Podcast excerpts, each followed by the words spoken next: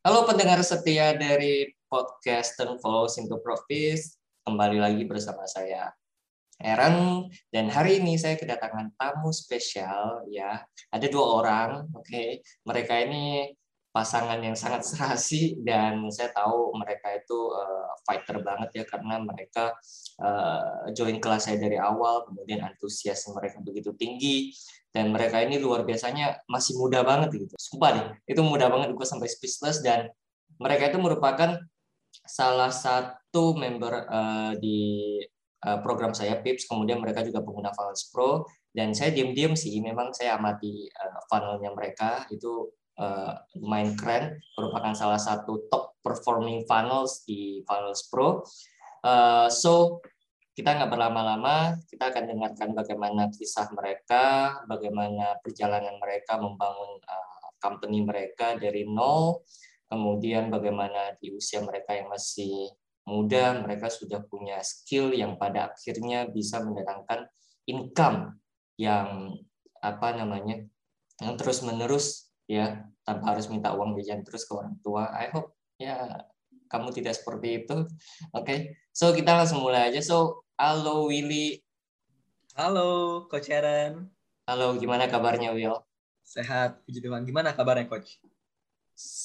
Selalu baik, selalu baik.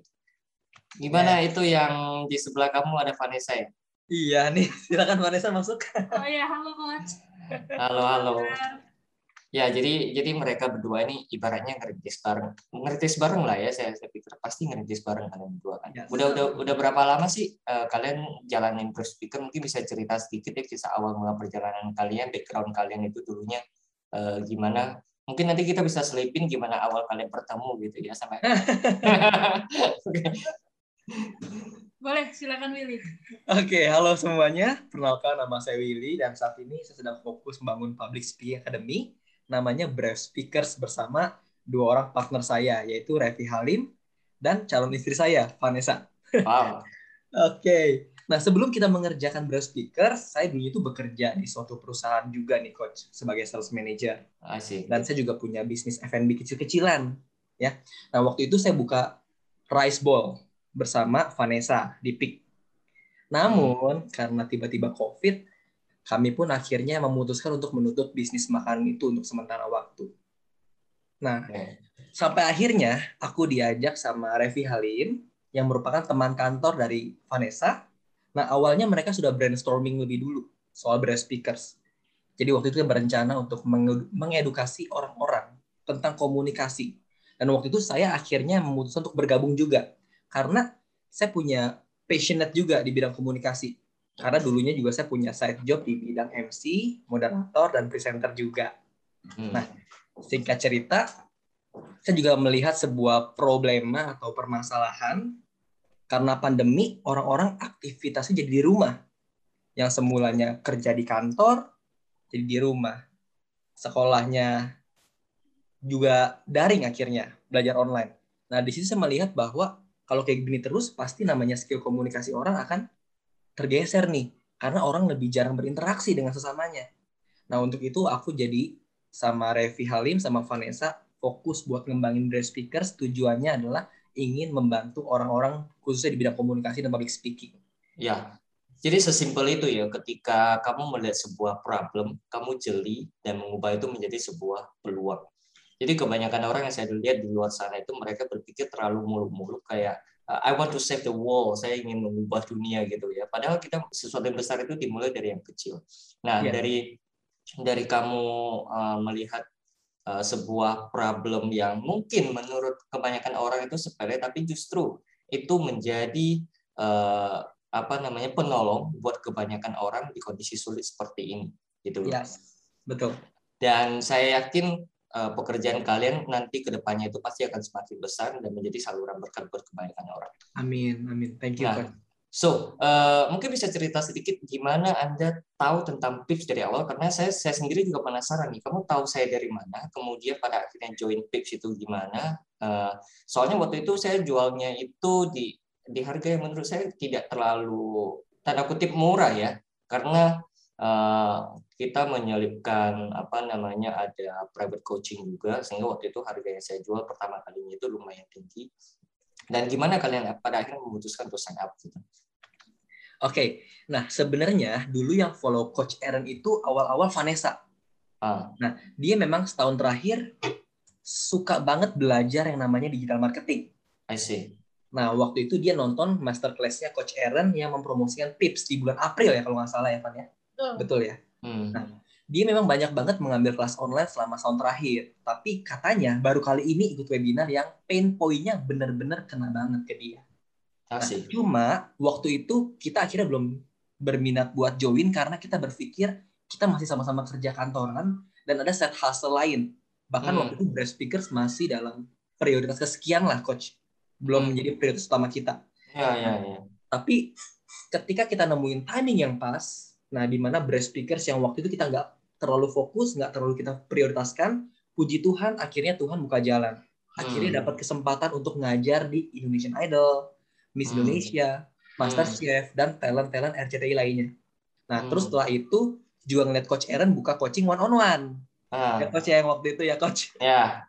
Nah, akhirnya aku ikutan dan waktu itu jadi benar-benar kebuka pola pikir aku sama Vanessa bagaimana melihat peluang di Breast Speakers ini. Jadi ketika Pips ini launching, intinya kita langsung memutuskan buat join karena memang coach ini paket lengkap. Nah, buat kamu yang mau belajar bisnis coaching daripada capek-capek cari ilmu di luar sana, sepotong-sepotong, sepenggal-sepenggal mendingan join di Pips aja, guys. Ya ya. Ya ya. Jadi jadi udah ya podcast kita selesai.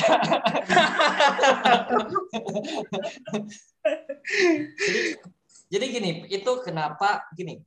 Kenapa awalnya saya memutuskan untuk eh, mengadakan yang namanya Passion to Profit System ini program ini? Memang karena saya punya pain yang sama dengan kalian. Saya mungkin bisa melihat diri saya itu eh, sama kayak Vanessa ya. Jadi 4 5 tahun yang lalu itu saya mungkin sama kayak posisi Vanessa sekarang di mana saya itu eh, punya minat di digital marketing. Kemudian saya sudah punya bisnis sendiri. Hanya saja meskipun saya ngikut workshop A B C D E F G, saya masih harus kayak ngumpulin puzzle-nya gitu jadiin satu. Hmm. Karena yang diajarkan itu tidak spesifik to my problem. Mereka itu eh, kebanyakan coach atau expert di luar sana mereka ngajarnya itu masih general banget, masih broad banget. Dan saya memutuskan, well, karena saya expertise-nya di coaching, kemudian saya lama berkecimpung di dunia produk informasi, eh, kenapa saya nggak ngajarin apa yang saya tahu untuk membantu orang-orang yang memang ingin eh, mendapatkan income dengan mengemas apa yang menjadi ilmu pengetahuan mereka, skill mereka, talenta mereka menjadi sebuah produk gitu. Oleh karena itu, saya narrow down lagi gitu dari yang awalnya digital marketing. Jadi kalau misalkan Vanessa follow saya udah lama belum? Kalau misalkan follow saya lima tahun yang lalu, mungkin tahu message saya yang dulu itu itu masih fokus ke entrepreneurship, masih fokus ke ke dunia bisnis online, yang di mana luas banget dunia bisnis online.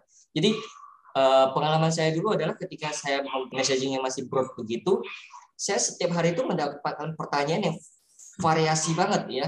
Coach, gimana caranya saya bisa sukses di bisnis affiliate? Coach, gimana caranya toko online saya itu bisa rame? Coach, gimana caranya uh, iklan Facebook saya itu bisa murah? Jadi saya uh, pada akhirnya saya yang kewalahan sendiri melayani begitu banyak macam uh, avatar gitu. That's why saya memutuskan oke, okay, saya pengen niche down, saya pengen membantu coach-coach di Indonesia untuk uh, istilahnya grow their coaching business lah.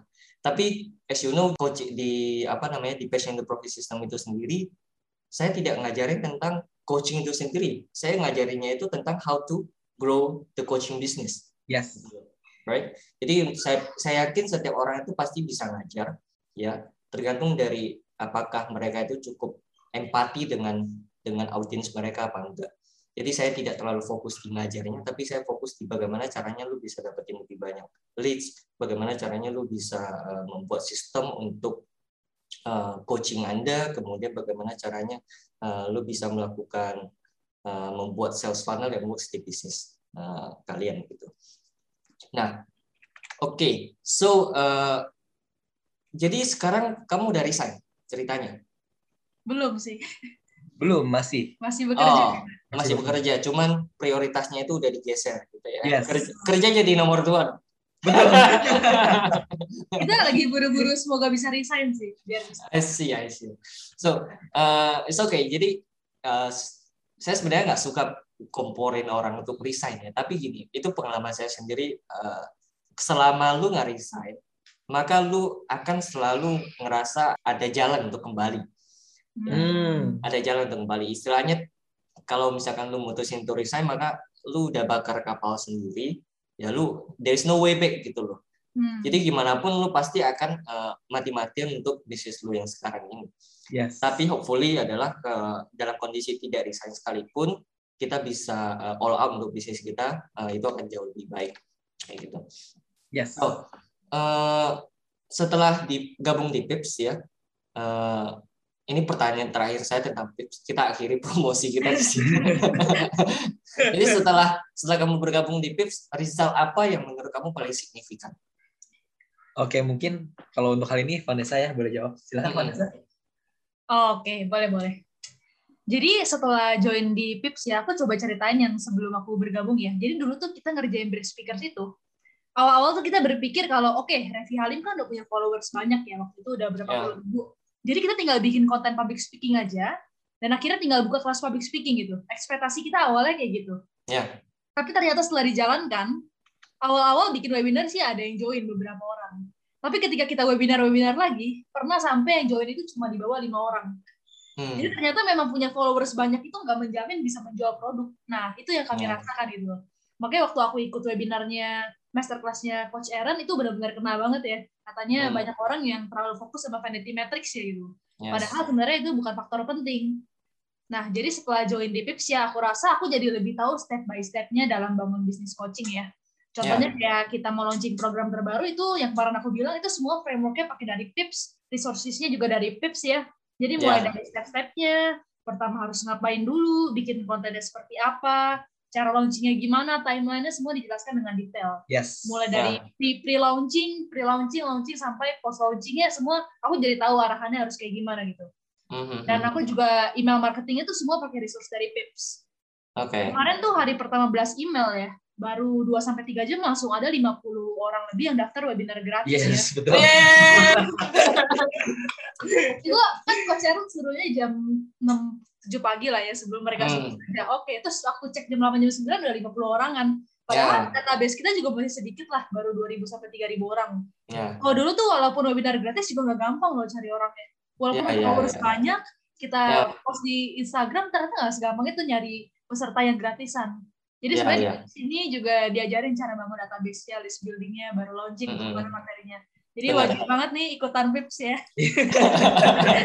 cukup cukup cukup cukup jadi jadi memang jadi eh, Instagram itu ya kebanyakan orang itu terlalu fokus di well eh, sosmed sosmed sosmed yang menurut saya itu masih di permukaan banget itu jadi kalau kalian yang udah belajar di Pips itu pasti tahu di level sosmed itu masih permukaan banget. Kita nggak bisa ngarepin banyak di situ.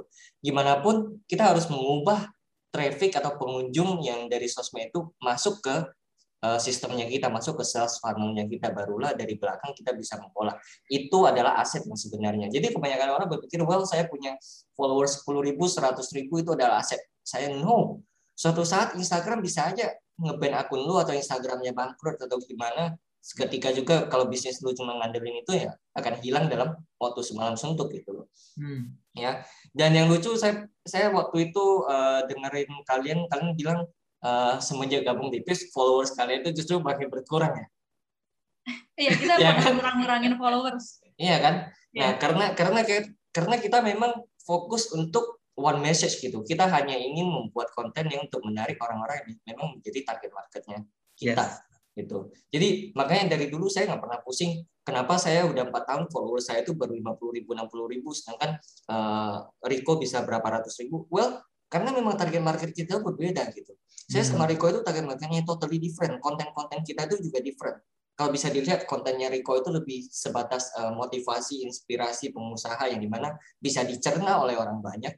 Tapi konten-konten saya itu hanya bisa dicerna oleh memang mereka yang punya bisnis online Hmm. memang mereka yang uh, tertarik dengan dunia uh, produk informasi, coaching ya. Uh, intinya bagaimana caranya lu bisa make a living dengan melakukan apa yang memang lu cintai gitu. modal smartphone, modal laptop dan modal internet. Kayak gitu loh. Ya. So, tantangan seperti apa yang kalian hadapi ketika kalian sedang mencari klien baru ke bisnis kalian? Mungkin bisa diceritakan sedikit ya. Saya pikir uh, pasti ada tantangan dong, meskipun udah join di Pips yang kata kalian bagus-bagus gitu ya. Tapi pasti ada tantangan. Pasti ada tantangan. Ya. Mungkin bisa di bayar kelas. Oke, siapa nih kamu? Aku aja boleh nggak apa-apa. Oke, okay, kalau tantangan terbesar sebenarnya waktu. Waktu. Nah. Karena kita bertiga masih bekerja dan punya hustle masing-masing. So hmm. kita belum punya tim sama sekali. Jadi semuanya benar-benar komborol masing-masing kerjain semuanya. Ya, ya, ya, ya. Seperti itu. Jadi waktu kalau ada dari aku. Nah, tapi saya yakin sebenarnya kalau nanti sudah bisa full time di sini, yang penting bisa fokus eksekusi apa aja yang udah diajarin di tips gitu. Hmm. Seharusnya semuanya bisa berjalan lebih baik. Ya. Dan tantangan selanjutnya ya. adalah kita harus lebih banyak list building sih dan bangun database lebih banyak lagi. Ya. Karena kita belum coba menggunakan ads sama sekali nih coach, masih ya. banget. Oke, okay, oke, okay, oke. Okay. Hmm. Ya itu itu itu memang wajib sih. Bahkan menurut saya kalau misalnya kalian mau percepatan dalam bisnis, ads itu wajib. Tapi kalau you have time tapi don't have money, boleh jalani organik. Tapi kalau you don't have time but you have money, you must go ads. ads ya. Yes. Pasti wajib, yaitu percepatan. Oke, okay. uh, so uh, jadi kalian gimana menyikapi uh, permasalahan itu kalian yang gak ada waktu itu? Apa yang kalian lakukan sekarang? Um, yang kita lakuin paling sekarang kita lagi coba untuk lebih prioritasin breast speakers ya. Jadi kita lagi mulai berencana untuk buat konten di banyak channel, yes. mungkin podcast juga, hmm. YouTube juga, dan hmm. mungkin ke depannya rencananya mau mulai bangun tim juga sih, jadi bisa lebih fokus. Gitu. Nah, uh, yang realnya sekarang gimana kalian ngatur waktunya? Karena saya tahu pasti banyak pendengar uh, podcast saya itu juga mereka dalam posisi yang sama dengan kalian. Mereka saat ini sedang bekerja juga, tapi di satu sisi mereka ingin side hustle, mereka yeah. ingin membangun bisnis mereka. Mungkin kalian bisa membagikan tips kalian dalam uh, bagi waktu itu seperti apa sih? Karena nggak mudah, saya tahu nggak mudah itu. Uh, kerja dari pagi sampai sore itu udah capek banget, terus uh, sore ke malam itu masih harus grinding. Well, uh, dalam posisi seperti itu, kalian time manajemennya seperti apa? Kemudian kalau bisa, kalau misalkan stres, stres manajemennya seperti apa kayak gitu. Oke, kalau aku yang penting kita punya time frame, coach. Mm-hmm. Jadi setelah pulang kerja, makan malam tentu, habis itu langsung kerjain lagi breast speakers. Ah. Gitu. Jadi kita bisa kerja mungkin sampai jam satu malam, baru tidur. Wow. Besok pagi udah harus kerja kantoran lagi. Karena saya percaya kalau misalnya kita nggak membuat time frame, yang ada impian jadi awang-awang aja. Ya. Yeah. Dan kita juga nggak ada progres, akhirnya cuma jalan di tempat aja. Untuk itu yeah. aku selalu tekankan kita harus buat time frame, goalsnya mau seperti apa, bulan depan harus mencapai apa. Jadi yeah, yeah. ada tujuan, ada goalsnya. Mm-hmm. Nah kalau stres sering banget juga sih coach, ya nggak nggak bohong karena uh, mungkin banyak juga yang dikerjain sampai overload akhirnya burn out. Nah. Cuman kalau aku pribadi setiap stres ya simple sih aku sama Vanessa nggak terlalu cenderung suka jalan-jalan ke mall karena lagi pandemi juga, tapi aku coba untuk jalan-jalan sekeliling komplek aja jalan kaki. Hmm. Biar matanya nggak ngeliat ke layar terus. Jadi okay. lebih lebih rileks dan cukuplah bagi kami ya Van ya. Jalan-jalan di sekitar komplek, lihat-lihat orang, lihat-lihat makanan, cukup banget. Ya dunia dunia serasa milik berdua ya. Oke, oke, oke. So, um, uh, jadi waktu itu kalian sempat bilang followers kalian itu berkurang karena kalian uh, niche down, ya kalian bikin konten yang lebih spesifik, oke? Okay? Dan bagaimana perasaan kalian dan ketika melihat followers itu justru semakin berkurang ketika mempraktekkan apa yang kalian uh, pelajari di tips. Dan apa sih yang yang pengalaman apa yang membuat kalian begitu yakin bahwa ini adalah uh, jalan yang yang tepat gitu untuk kalian terus niche. Kan ada sebagian orang yang mungkin yang merasa wah ini nggak bener nih yang diajarin si Aaron nih masa ketika saya bikin konten-konten begini malah engagementnya sedikit kemudian followers kian hari kian menurun hmm. uh, pada akhirnya mereka kembali lagi nyari ide yang ide konten yang well tidak ada hubungannya dengan industri mereka mereka fokus ke vanity metrics seperti engagement berapa orang yang likes postingan mereka Hmm. gimana Oke, jadi kalau dulu kenapa aku hapusin followers? Karena kan aku handle dua Instagram ya. Yang pertama handle Instagram Breast Speakers, yang satu lagi Instagramnya Willy gitu. Nah, Hmm. sebenarnya yang aku kurang-kurangin followers itu di Instagram Willy karena waktu itu dia sempat coba jadi agent asuransi juga, terus kontennya keuangan. Nah, keuangan tuh jadi banyak followers-followers baru yang emang suka tentang keuangan. Dan ketika Hmm. kita mulai ganti ke komunikasi, akhirnya orang-orang tuh kayaknya nggak suka gitu Yes. banyak yang mulai unfollow terus banyak juga yang kayaknya engagementnya jelek nih nggak wajar lah pokoknya Hmm, jadi kita coba kurang-kurangin followers yang di Instagramnya Willy gitu hmm, tapi kalau soal niche down ini menarik sih jadi awal-awal brand speakers itu mulai itu namanya dulu bukan brand speakers tapi life touch jadi kita bahas Ah. seputar motivasi-motivasi kehidupan Yes. jadi waktu itu karena Revi Halim juga motivator kan jadi kita bahas konten-konten motivasi orang-orang bisa lihat cara mereka bicara gimana terus baru kita jualan produk yaitu kelas public speaking Betul. hmm. tapi ternyata cara itu nggak berhasil karena sepertinya kita nggak bisa menyasar target yang kita mau gitu. Jadinya kita niche down lagi jadi lebih spesifik komunikasi dan public speaking dan puji Tuhan hasilnya jauh lebih baik sih. Hmm, oke, Kayak gitu oke. sih kalau niche down.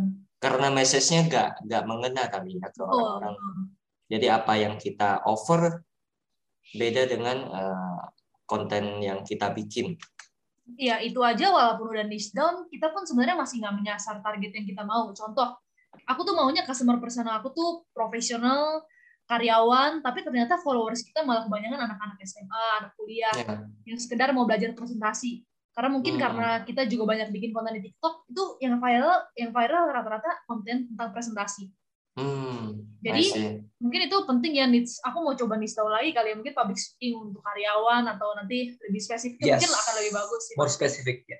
Ya, ya, ya, ya. Jadi eh, sebenarnya eh, di podcast sa- salah satu episode podcast saya dengan Coach T. Jadi Coach T itu adalah eh, salah satu member di Pips juga.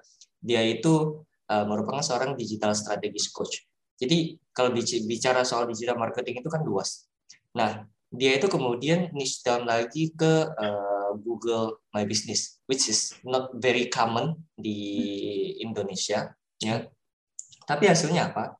Hasilnya adalah impostor syndrome-nya itu menjadi hilang karena dia tahu dia itu uh, skill-nya di situ ya. Dia tidak merasa dia sedang berpura-pura, dia tidak merasa dia itu uh, nggak punya pengalaman di sana karena dia memang expert di Google My Business sehingga itu boost his confidence ya uh, menambah rasa percaya diri dia untuk tampil untuk show up untuk audiensnya dia dan tetap ada audiens yang mendengarkan dia tentang Google My Business. Oke, okay? so uh, kalau misalkan menurut kalian kalian masih bisa down, maka go ahead karena bagaimanapun saya selalu saya ada aliran spesialis gitu. Ya karena saya yakin uh, yang dicari itu pasti seorang spesialis, seorang generalis itu tidak akan pernah dicari. Mau di dunia public speaking sekalipun kalau diundang pasti spesialis. Ya Yes. toh? Yes. Uh, si dia yang jago misalkan public speaking, maka orang kepikirannya Willy. Oke. Okay? Kalau misalkan orang nyari let's say uh, how to turn your expertise into product, ya, bagaimana caranya grow up uh, coaching business, mungkin mereka bisa ingatnya si Aaron. Tapi kalau misalkan kita bermain di level yang broad, maka kita tidak akan dikenal siapa-siapa. Gitu. Kita tidak punya apa namanya? Tidak punya skill yang menonjol yang bisa membuat orang mengingat tentang kita. Yes. So sekarang di Brief Speaker sudah berapa member? member Ya. e-course ya berarti ya Ya, sudah 150 masih sedikit coach 150. Oh, Oke, oke, oke. Padahal orang-orang mau nyari satu member atau 10 member di luar sana aja susahnya setengah mati gitu. 150 itu dalam waktu berapa lama? kira-kira 2 sampai 3 bulan sih dari kita awal launching Wow, oke. Waktu itu harganya masih di harga berapa? harganya waktu itu 200 ribu cuma kita sekarang baru naikin kecil juga sih Ya. baru 290 ribu sekarang 290 Ya, ribu. 20 ribu betul. Iya. 290. 250 ribu. Dan saya dengar-dengar kalian mau launching itu next di harga berapa? Di harga 970 ribu. Apa yang bikin kalian naik segitu gesitnya? Hmm, awalnya karena termotivasi juga ya dari Coach Aaron waktu itu sempat ngobrol ya. Terus Hmm. katanya harus berani jual mahal gitu. Yes. Yes. Akhirnya kita coba riset sih, walaupun kita juga takut-takut gitu sih. Besok mau launching takut nggak gitu laku ya. Betul. Karena yang tadi kita bilang kan kita belum pakai ads dan followers kita kebanyakan masih anak-anak kuliah gitu. Hmm, hmm, hmm, hmm, hmm. Tapi aku banyak belajar sih ya. Pokoknya kalau kita berani jual harga mahal tuh kita akan menyaring orang-orang yang beneran mau belajar gitu. Exactly. Itu kita akan mendapatkan kualitas audiens yang lebih eh, berkualitas, yang lebih berbobot. Yang ibarat istilah kasarnya itu nggak banyak cincong lah ya. Yes, betul Wah, itu betul. betul banget sih. Nggak Betul, banyak betul. cincong. Jadi kalau, aduh pengalaman saya dulu itu ketika saya jualan produk di harga 100 ribu, 99 ribu, buset, yang masuk itu memang memang banyak gitu ya. Tapi yang refund itu juga banyak. Kemudian customer service saya kewalahan, mereka sakit-sakitan karena mikirin apa yang di komen sama para para para netizen itu ya. Jadi pokoknya sakit kepalanya banyak lah. Tapi itu sangat sangat berbeda ketika kita jual di harga yang lebih tinggi. Dari situ kita mendapat eh, sebenarnya banyak banget ya benefit kita jual di harga yang lebih tinggi. Kita memang mungkin kuat secara kuantiti itu tidak sebanyak eh, kita jual di harga yang ecek-ecek yang rendah. Oke. Tapi ketika kita jual di harga yang tinggi, kita akan mendapatkan customer yang memang eh, serius ya. You pay attention when you pay. Ya. Ya. Seseorang akan memberikan perhatiannya mereka ketika mereka sudah memutuskan untuk mengeluarkan duit dari kantongnya mereka. Setuju. Jadi jangan heran ketika kita memberikan sesuatu yang gratis itu cenderung di apa ya taken for granted sama mereka. Itu pertama. Kemudian kedua dengan kita jual lebih mahal, kita juga bisa memberikan value yang lebih banyak lagi untuk audiens kita. Terkadang kita ingin, let's say saya di dunia software Valence Product ID, saya tidak kepikiran untuk jual murah gitu. Ya, walaupun memang kita patok harganya itu di level yang sedikit butuh eh, investment lebih, tapi di sebagai gantinya adalah kita bisa provide server yang oke, kita bisa provide pelayanan yang oke, kita bisa menambah customer service, kita eh, bisa nambah template segala macam, saya bisa hire lebih banyak programmer developer untuk bikin softwarenya biar lu pakainya itu lebih nyaman. Ujung-ujung juga untuk bisnis lu juga gitu Yes. ya.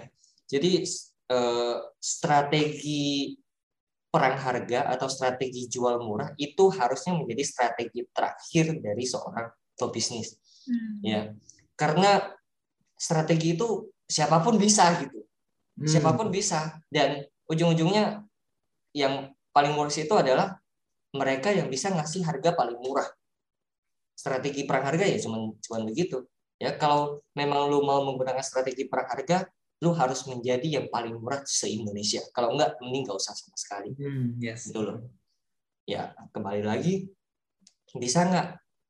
Kayaknya nggak bisa deh, susah. Hmm, iya. Kita bakal kita bakal kehabisan amunisi, apalagi eh, kalau kita ini bootstrapping, nggak punya eh, apa namanya venture capitalist gitu ya. Beda hal, beda ceritanya kalau sama mereka perusahaan-perusahaan besar yang diinjek dana dan mereka bisa promosi seenak jidat tanpa perlu mikir tentang iklannya seperti apa. Kok jadi curhat gue? Eh, ya, kira-kira begitulah ya. So, eh, ceritain dong gimana kalian bisa dapetin tadi berapa member? 1.500 member. Eh, Amin, Amin, amin, amin, amin. 100 150 member ya, 150 member dalam waktu 2-3 bulan. Eh, perjalanan kalian seperti apa? Sekilas saja. Oke, kenapa kita bisa dapat 150 member? Kayaknya karena memang kita sudah kayak wara-woro dari awal gitu. Kita akan segera launching, kita akan segera launching.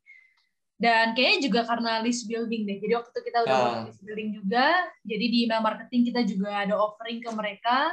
Jadi kayaknya intinya di sales funnel sih sebenarnya karena aku berkali-kali ganti funnelnya untuk cari mana yang lebih works gitu. Karena waktu dulu Hmm. kan jualan di Instagram ternyata nggak works gitu, cuma promosi. Tapi Hmm. ketika udah bikin sales page-nya dan sales funnel-nya dirancang pakai Funnels Pro ya tentunya. thank you loh, thank you loh, thank you. itu pokoknya jadi lebih bagus ya. Aku rasa karena sales funnel-nya dan juga list building-nya itu. yang bisa bikin 150 member. Ya makanya harus perbanyak list building ya biar bisa Ya. lebih banyak lagi membernya. Ya, jadi menarik sih. Eh, mungkin Vanessa sudah pelajari materi list building yang saya yang yang baru-baru ini. Aku dulu udah sempet ikut list building gitu sih, tapi Ah. yang punya pacaran aku baru mau pelajarin. Ah, oke. Jadi memang list building itu saya bisa bilang kalau misalnya saya harus mulai dari nol lagi gitu ya. Yang bakal saya lakukan pertama kali itu adalah list building. Memang Hmm. itu adalah kuncinya gitu. Eh, bahkan di bisnis saya sendiri pun eh, s- sekarang itu per list per nama gitu ya, itu bisa generate minimal 2000 perak per, per, per nama. Jadi bayangin aja kalau misalnya punya satu juta list, maka Hmm. sebulan revenue-nya berapa. Jadi di kalian juga sama, ketika kalian ingin grow revenue kalian, maka eh, fokus di growing your list. Ya, build your audience, growing your list, eh, bikin lead funnels-nya untuk eh, apa mendatangkan target market yang memang menjadi sasaran kalian selama ini. Oke. Eh, so, mungkin ada eh, kan teman-teman pendengar podcast eh, Turn Followers into Profits itu kebanyakan pengen memulai bisnis online nih. Kemudian eh, mereka kebanyakan bingung nggak tahu mau ngapain ya. Atau mungkin di antara mereka itu punya skill, punya pengalaman, punya passion, punya cerita dalam hidup. Hanya saja mereka masih belum ngeh kalau ternyata itu bisa dijadikan sebuah produk untuk dijual sama seperti kalian ya Willy karena pengalaman MC-nya pengalaman komunikasinya sehingga mengubah uh, skill public speaking-nya menjadi sebuah produk untuk dijual untuk membantu lebih banyak orang yang ingin uh, punya public speaking seperti uh, Willy. Nah mungkin ada pesan untuk uh, teman-teman kita yang saat ini sedang mendengarkan podcast ini bagaimana caranya mereka bisa take action sekarang juga Oke, kalau saran dari aku adalah kita perlu yang namanya mentor. Oke. Nah, mentor dalam hidup itu benar-benar sangat penting. Karena pengetahuan aja nggak cukup menurut saya. Tapi how to action, step by step-nya, nah ini yang paling penting yang bisa kita pelajari dari orang yang telah mulai lebih dulu. Nah, dan orang-orang yang benar-benar sudah terbukti berhasil terjun dalam bidang itu. So kalau aku dulu nggak ketemu Coach Aaron, ya mungkin aku bisa melakukan inovasi A, B, C, D, E, 1, 2, 3, 4, 5. Gitu. Tapi berapa banyak waktu yang kebuang, aku nggak tahu deh. Nah, jadi nggak efektif dan nggak efisien. Jadi seharusnya temukan mentor yang tepat, yang benar-benar tulus mau ngajarin kita dari hulu ke hilir. That's it sih, Coach. Yes, good point, hulu ke hilir. Jadi memang uh, apa di Pips saya juga nggak pengen keluar dari uh, border gitu ya. Ibarat saya pengen, hanya pengen fokus untuk membantu para coach. Jadi kalau memang teman-teman yang saat ini mendengarkan podcast ini tidak tertarik dengan produk informasi, tidak tertarik untuk mengemas passion, skill atau uh, pengalamannya menjadi sebuah produk, tidak tertarik dalam dunia coaching, dunia edukasi, maka ya nggak usah join Pips. Sebenarnya Pips itu lebih memang untuk uh, I think benefit maksimalnya itu hanya untuk para coach, para edukator, para trainer, konsultan ya. Atau mungkin kalian yang memang punya skill uh, saya nggak peduli skill itu mau apa karena saya sudah melihat sendiri bagaimana orang jualan cara membuat masker kain ya itu bisa omsetnya miliaran. Jadi lu jangan nanya gue kalau misalkan skill gue gaming itu bisa jadi duit apa enggak ya lu lihat aja just no limit gitu kan Yes. nah, kayak gitu loh ya so last but not least mungkin gimana caranya connect dengan kamu Will sama Vanessa Will kalau teman-teman yang uh, pendengar dari podcast saya mau ke mau bincang-bincang dengan kalian mungkin atau mereka tertarik dengan dunia public speaking ke mana mereka bisa menghubungi Anda? Atau mungkin kamu punya lead magnet atau punya ses sesuatu available untuk dibagikan ke mereka, silakan. Oke, terima kasih banyak Coach Aaron dikasih ruang buat promosi. Ya. Oke, so buat teman-teman yang tertarik untuk belajar komunikasi public speaking, kindly follow my Instagram dan TikTok saya di @browilitan. Dan boleh juga di follow platform public speaking academy kita, namanya itu breastspeakers.id di Instagram. Karena kita akan terus bagikan konten-konten public speaking yang spesial pastinya buat kamu yang mau belajar tentang komunikasi dan public speaking. Mungkin Vanessa ada tambahan?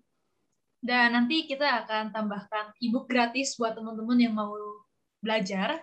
Nanti bisa diklik di bio-nya breastspeakers.id. Yeay. Ebook gratis public speaking. Nah, ini adalah ini adalah salah satu bagian dari list building ya. Yes, betul.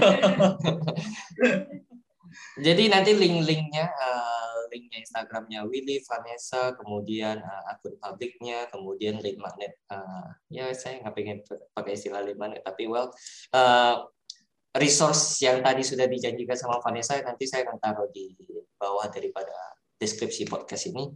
So thank you Will, thank you Vanessa, thank you for your time. Uh, semoga bisnis kalian ke depan makin sukses, makin menjadi dampak untuk banyak orang di luar sana. Amin. Thank you, Kak Sharon. Thank you. Thank you, thank you. See you guys again. Bye.